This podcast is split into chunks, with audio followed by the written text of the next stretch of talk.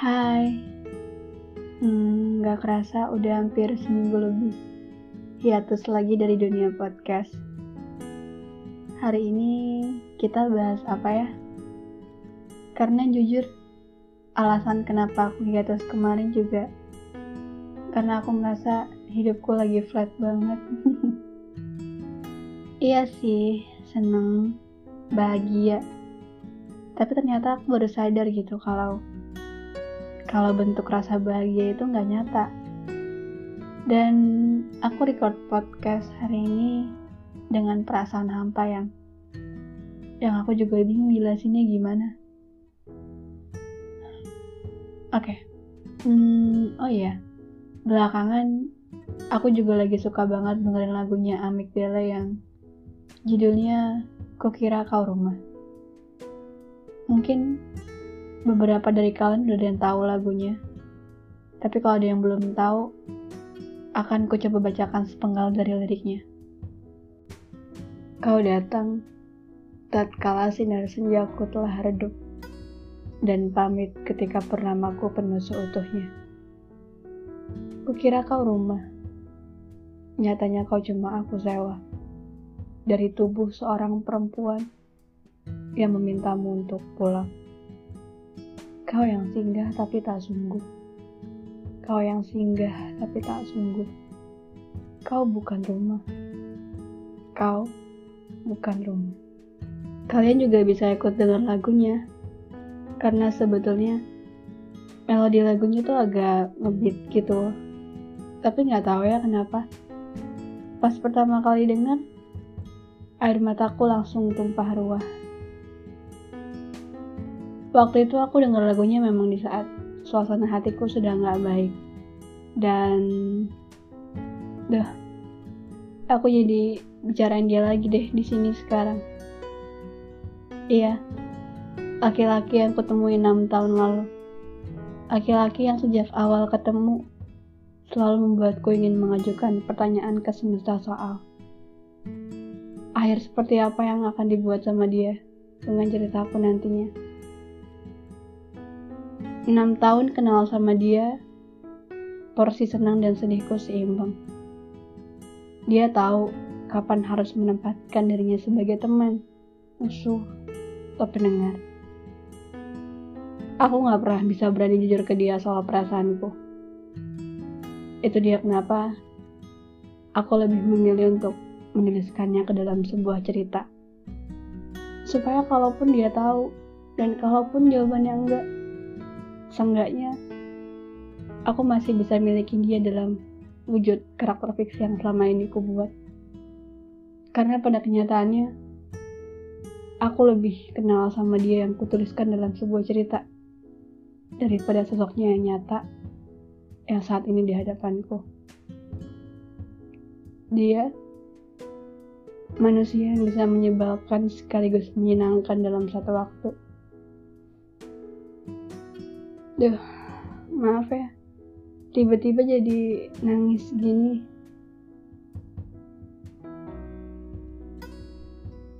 Hari itu, ada satu notif muncul di layar HP-ku. Nama dia tertera di sana.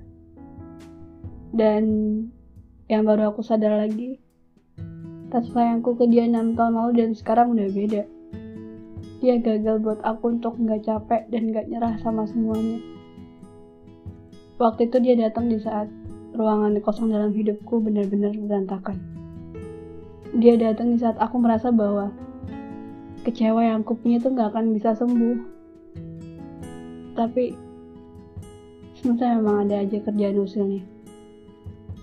Hadirnya dia saat itu berhasil membuat banyak tanda tanya di kepalaku.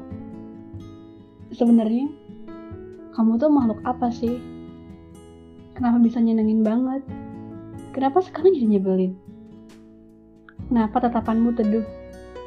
Kenapa suaramu indah? Tolong jelasin.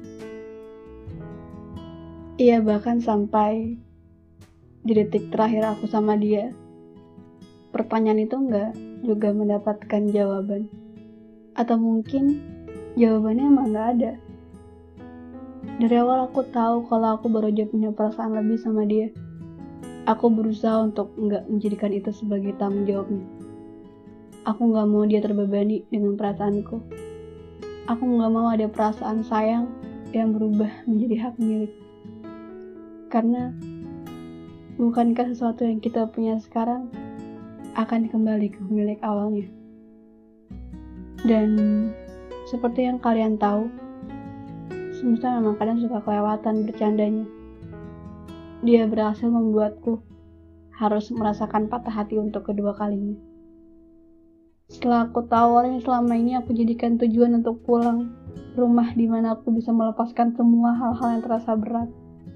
Rumah yang aku pikir bisa dan mau menerima aku dengan baik, nyatanya enggak. Aku pernah bilang kan, kalau kita merasakan sesuatu, apa pun itu, baiknya memang disampaikan. Dan untuk kali ini, aku akan menarik semua kalimat itu. Karena ternyata lebih baik kebingungan sampai mati daripada kita tahu kalau hal yang ada sebenarnya nggak benar-benar ada. Ya tapi kalau nggak kayak gitu aku nggak akan pernah tahu kalau ternyata aku lebih mampu daripada yang kukira. Nggak mudah untuk sampai di sini di titik ini Berkali-kali aku berusaha untuk bisa melepaskan semua benang merah yang memang sejak awal sudah terikat sama dia. Berkali-kali aku berusaha menemukan peta baru supaya aku bisa keluar dari jalan buntu. Dan selama ini buat aku buta arah. Dan malam itu, dia duduk di atas motor bebek tuanya. Gaya rambutnya masih sama. Bahkan kacamata model lama. Dan satu yang buat aku kadang jadi susah lupa. Wangi tubuh dia aku nggak bisa kayak gini terus. Mungkin hal kayak gini menyenangkan buat kamu tapi nggak buat aku. Kalau kamu nggak bisa kasih kepastian hatiku yang kasihan. Kamu tuh bukan yang nggak mau. Kamu cuma takut hal yang pernah terjadi sama kamu dan masa lalu kamu. Akan terjadi juga di hubungan kita ke depannya. Dan dia diam lumayan lama. Sambil berusaha mencerna soal bahasanku barusan. Terus kamu maunya apa? 6 tahun. Dan kamu bertanya hal kayak gitu sekarang. Dari awal kamu tahu apa jawabannya. Dan sekarang bukan soal tentang maunya aku, tapi tentang soal kepastian kamu. Soal gimana perasaan kamu sama aku.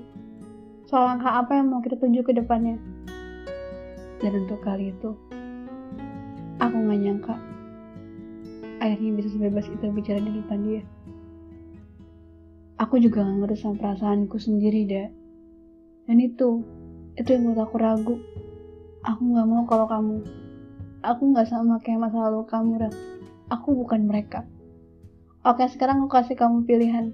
Anggaplah kita lagi di ujung jembatan dan kita cuma punya tiga opsi. Kamu pilih kita jalan sama-sama dengan arah yang beda atau kita jalan sama-sama dengan arah dan tujuan yang sama atau kamu memilih jalan lurus ke depan dan aku yang putar balik ke belakang. Waktu itu, aku gak berharap kalau dia pilih opsi kedua. Karena jujur, aku juga takut kalau kalau jalan yang aku dan dia pilih salah. Dan gimana kalau kita jalan sama-sama dengan arah dan tujuan yang sama, tapi aku di belakang kamu butuh waktu sepersekian detik untuk aku bisa ngerti apa yang dia maksud. Dan dia pun mengalihkan pandangannya. Maksud kamu? Itu kan di dalam opsi, Rak. Dan kamu gak bisa bikin opsi sendiri. Aku gak mau. Hubungan itu harus harus saling. Gak bisa berat sebelah. Gak ada yang bisa lebih dominan. Beriringan, bukan menggiring. Nggak. Aku mau yakin sama jalan yang kita pilih akan benar-benar mulus atau enggak. Kalau nanti di tengah perjalanan kamu ketemu sama orang baru yang lebih dari aku, itu gimana? Mataku lumayan perih saat itu, dan kayaknya dia sadar, lalu gantian aku yang mengalihkan pandangan. Kamu juga tahu kalau sejak awal aku maunya kamu. Kamu tahu aku selalu jadiin kamu tempat untuk pulang tapi kamu gak pernah bisa kasih itu. Dia diam dan aku melanjutkan kalimatku. Oke Raka cukup. Ini terlalu berbelit. Kalau kamu gak bisa kasih kepastian biar aku yang ambil alih sekarang.